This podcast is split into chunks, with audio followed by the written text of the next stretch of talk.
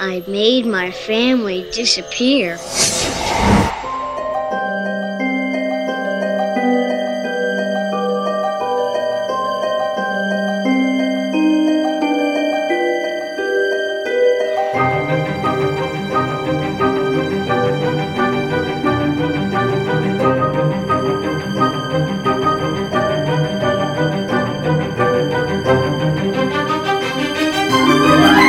Als er een film met kerstmis op tv is, dan is het Home Alone.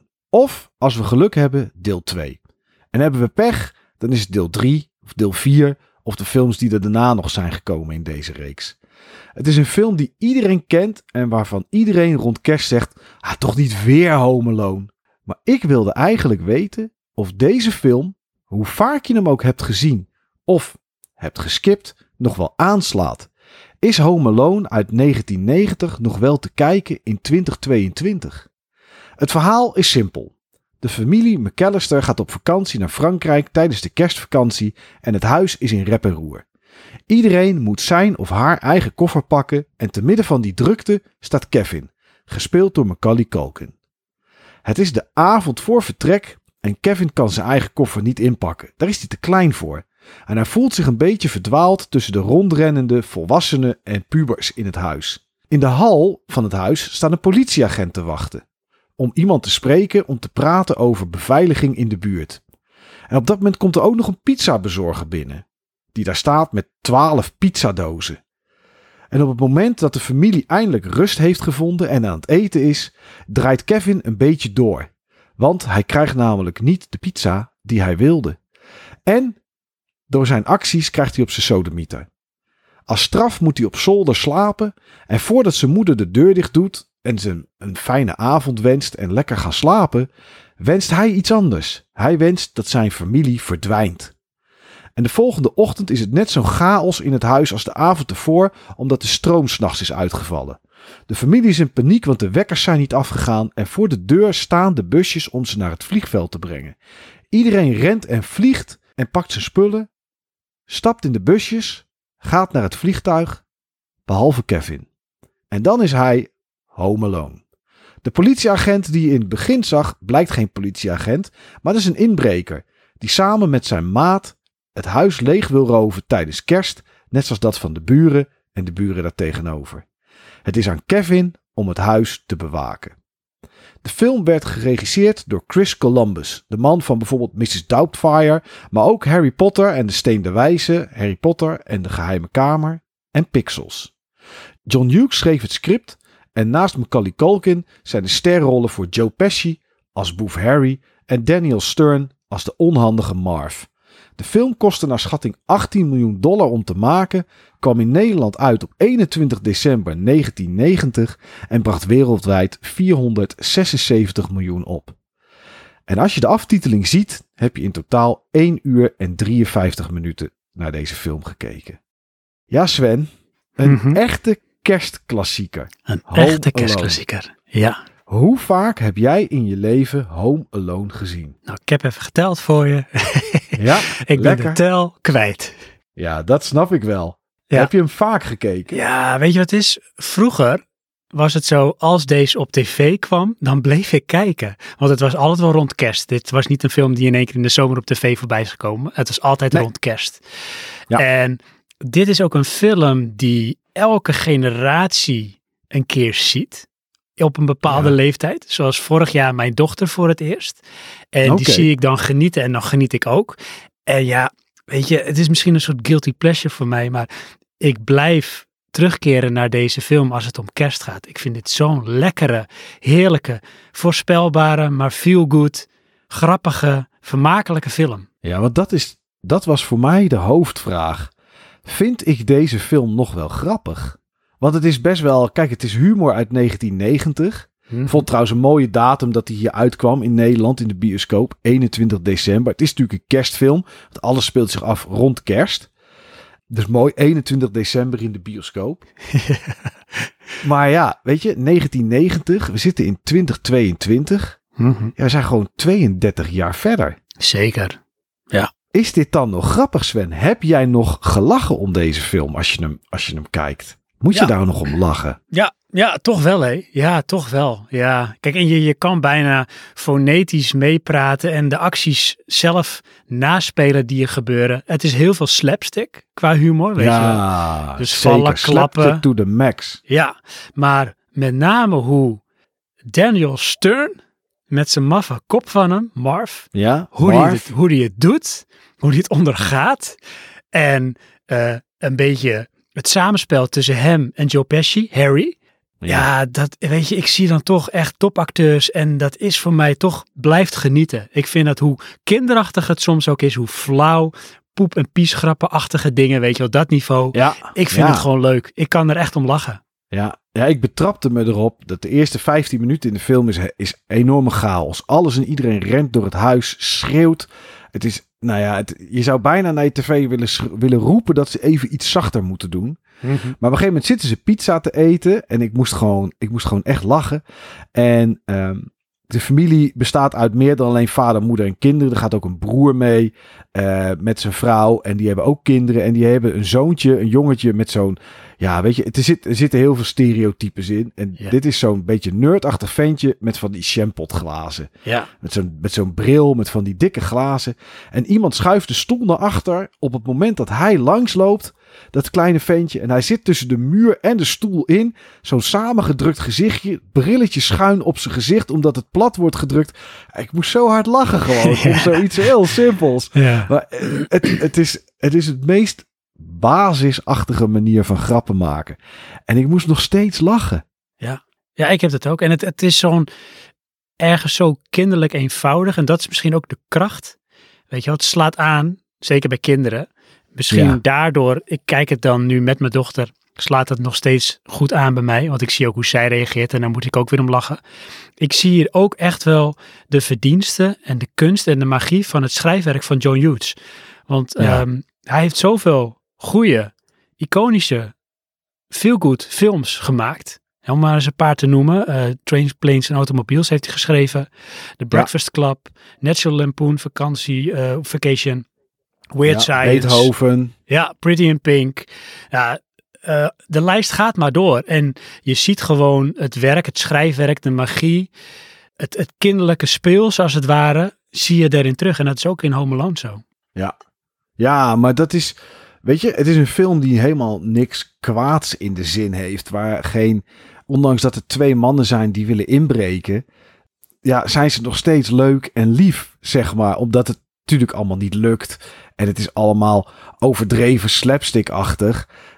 Maar dat, dat maakt iedereen ja, likable. En dat, dat is zo goed geschreven. En dat is nog steeds zo. Ja, waardoor je eigenlijk gewoon continu met een glimlach op je gezicht naar deze film zit te kijken. Ja. Kijk, het, het, wat mij wel na al die tijd opviel, is dat voor mijn gevoel is de film Kevin die zijn huis met booby traps voorziet om die gasten tegen te houden.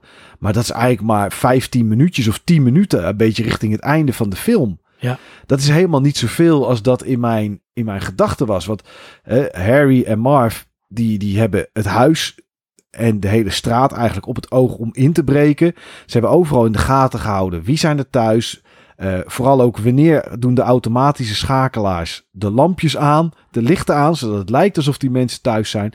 En ze breken overal breken ze in in die huizen. En ze hebben een trademark, tenminste Marv heeft dat. ehm, die laat de kranen aanstaan op het moment dat hij zo'n huis uitgaat, zodat het overstroomt. Ja, het is aan Kevin die alleen thuis is om ervoor te zorgen dat dat niet gebeurt. Maar er gebeurt veel meer, want hij moet ook eten. Dus hij gaat naar de winkel. Hij moet een tandenborstel hebben. eh, allemaal van dat soort random dingen. Net zoals een buurjongen die, die aankomt en dan gaat vragen aan de, aan de mensen die, die de familie naar het vliegveld moeten brengen. eh, hoeveel benzine dat busje verbruikt. Hoeveel loopt die? Ja, waar gaat het, waar gaat het nou over?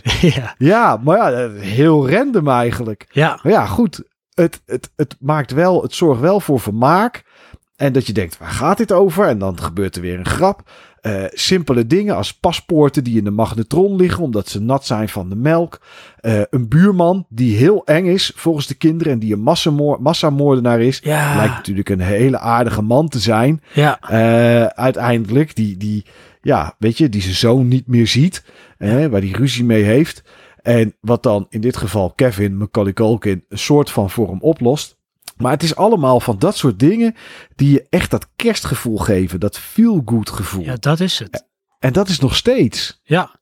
ja, en de film dwingt je een beetje door de ogen te kijken van een kind.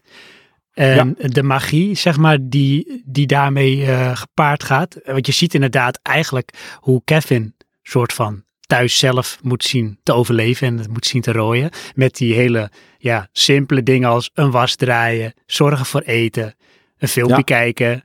Weet je wel. En eh, het is wel grappig dat je ziet in het begin dat hij denkt van hè, Weet je wel, hij denkt, hij is natuurlijk een kind, het is gelukt. Ik heb gewenst dat mijn ouders en iedereen weg is en dat is gelukt, ze zijn weg. Ja, en dan denk je, eens, oh jeetje, ja, dan, hij, dan denk je, nou dat wordt janken. Nee, hij springt op het bed van plezier. En dan begint de lol, weet je wel. En je Ja. gaat in die film ook mee in het plezier en de verwondering en de lol van Kevin. Hoe hij de dingen doet, de vrijheid die hij ervaart. En dat is ook magisch als kind om dat te zien. En, maar dan zie je, en dat is ook wel knap, want dat is ook weer typisch dan zeg maar... eh, John Hughes qua eh, schrijfwerk, dat het slaat op een gegeven moment toch een beetje om in dat er besef komt. Van oké, weet je maar dit is het nu, maar vind ik dit nog steeds wel leuk? Het is een Ja. kind, dus hij begint zijn ouders te missen. Weet je, dat soort dingen spelen dan op een gegeven moment dan toch wel. Ja, nou ja, dat is, dat is wel wat je ziet. En het begin, zeg maar, dat hij alleen thuis is. Ja, dat deed me met sommige dingen zo erg denken aan mijn jongste zoon, aan Dean. Die is drie. Dus die kan dit niet, want Kevin is tien in deze film. Maar er zit op een gegeven moment een scène in waarbij het gesneeuwd heeft. Want het is kerst en in films met kerst, dan sneeuwt het. Hier Tuurlijk. hebben we dat nooit. In Nooit. films hebben ze dat. Yes. En hij is alleen thuis. Hij pakt een slee, zet de voordeur open en mikt zo de slee van de trap af door naar buiten, zodat hij zo, zo de straat op sleet. Ik zat er te kijken en ik zag die kleine van mij dat gewoon doen later. natuurlijk. Ik denk, dit is, dit is wat, hij, wat hij ook zou doen. En dat is zo grappig. Dat geeft, het, geeft toch iets extra's als je dan naar zo'n film kijkt. Absoluut. Ja, iets wat we nog niet benoemd hebben is, de ouders zijn natuurlijk weg. Die gaan samen met het gezin het vliegtuig in. En terwijl het vliegtuig in de lucht is, komen ze erachter, we zijn Kevin vergeten. En dan begint niet alleen het verhaal van Kevin die thuis alleen is, moet overleven en de twee schurken tegen moet houden. Maar ook zijn moeder, die probeert zo snel mogelijk terug naar huis te komen om, ja, om, om naar Kevin toe te gaan. En je ziet haar van vliegveld naar vliegveld gaan. Alles zit tegen, alles zit vol. En dan krijgt ze op een gegeven moment een lift van een polka band. eh, onder leiding van John Candy. Oh, heerlijk. En ehm, maar die polka band die vervoert zichzelf in een verhuiswagen. Want die hebben niet zoveel geld. Nee. Ja, en dat is ook gewoon... Het is zo ongemakkelijk. Want ze zitten muziek te spelen. Hij zit op een klarinet of zo. Zit hij, zit hij, zit hij te blazen. En dan vraagt hij ook aan die moeder... Wil jij ook even? Terwijl hij dat ding net in zijn mond heeft gehad. Kent heel die man niet. Oh, En heerlijk. ja, dat maakt het zo grappig. Ja. En eh, het was trouwens ook wel aardig. Jo- John Candy hè, is maar één dag beschikbaar geweest voor deze film. Ja. Want hij was toevallig in de buurt. Alle scènes waar hij in zit zijn opgenomen in 23 uur. Nou, En hij kreeg daar 414 dollar voor. geweldig hè? Waarom? Ja, hij deed het als een, als een soort gunst voor John Hughes. Ja. Die die, die, die goed kende. Ja, wat, En- wat geweldig. ja, en wat hij daarvoor terugkreeg van John Hughes in deze film... is dat hij mocht alles, als enige, mocht hij improviseren. Improviseren. Ja, heel veel is geïmproviseerd van wat hij doet. Al zijn teksten en dat soort dingen allemaal geïmproduceerd, ge- ge- geïmproviseerd. Oh, ja, ja, Ah. weet je, hij deed het gewoon als een gunst. Dus zei Hughes, nou ja, maak er maar wat van. En Genieten. ze hebben 23 uur gefilmd en daarna moest John, John Candy weer weg. Ja. Ja, en daar hebben ze dat toch dan allemaal, eh, allemaal in, in gedaan.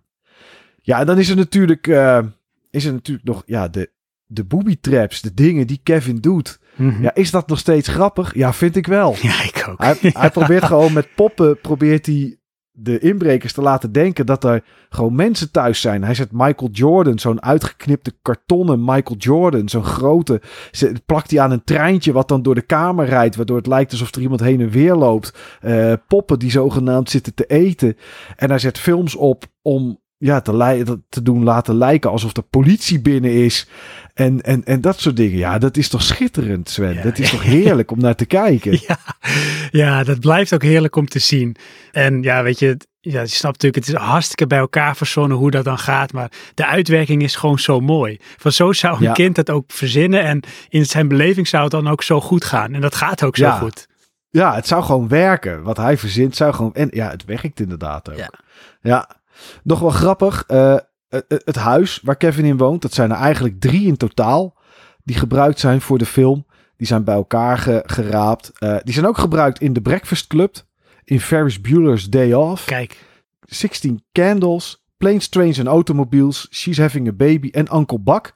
Allemaal films waar we ook John Candy in zien en, en waar ook John Hughes tegenaan zich heeft bemoeid. Ja. Of... Uh, dus dat is, dat is wel grappig. En een ander dingetje wat ik wel grappig vond, en ik kan me dat heel goed voorstellen. Kijk, Joe Pesci speelt hierin, die speelt geweldig als, uh, als Harry, als inbreker.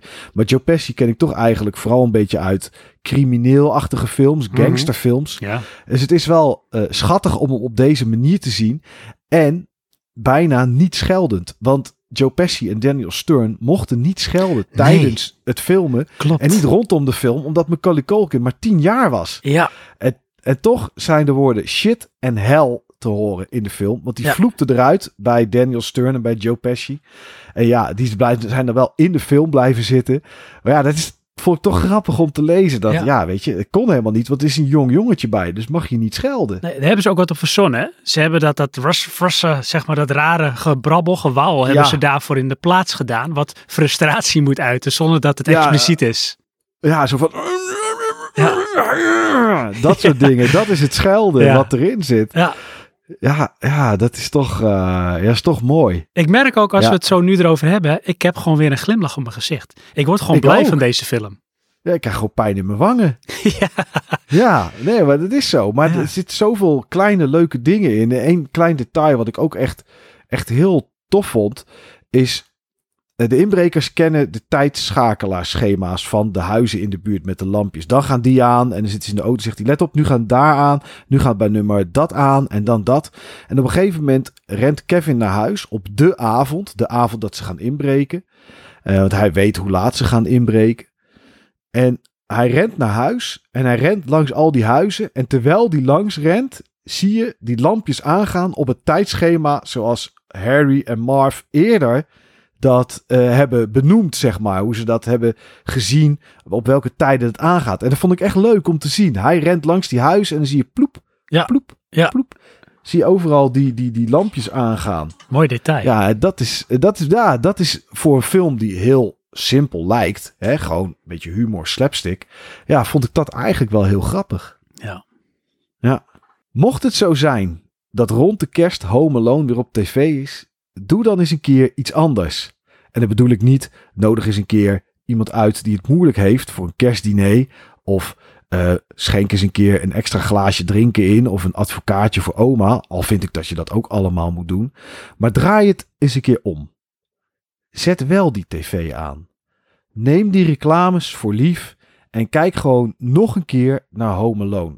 Want ik weet zeker dat het langer geleden is dan dat je denkt dat je deze film hebt gezien. En dat hij ook een stuk leuker is, nog steeds, dan dat je denkt dat je hem de laatste keer hebt gezien. En is het deel 3 en 4, neem de moeite dan niet. Deel 2 kan je ook nog wel kijken. Maar Home Alone 1 blijkt, 32 jaar na dato, nog steeds een komische klassieker. Vol leuke knipogen, vol leuke momentjes en gewoon een grote glimlach op je gezicht.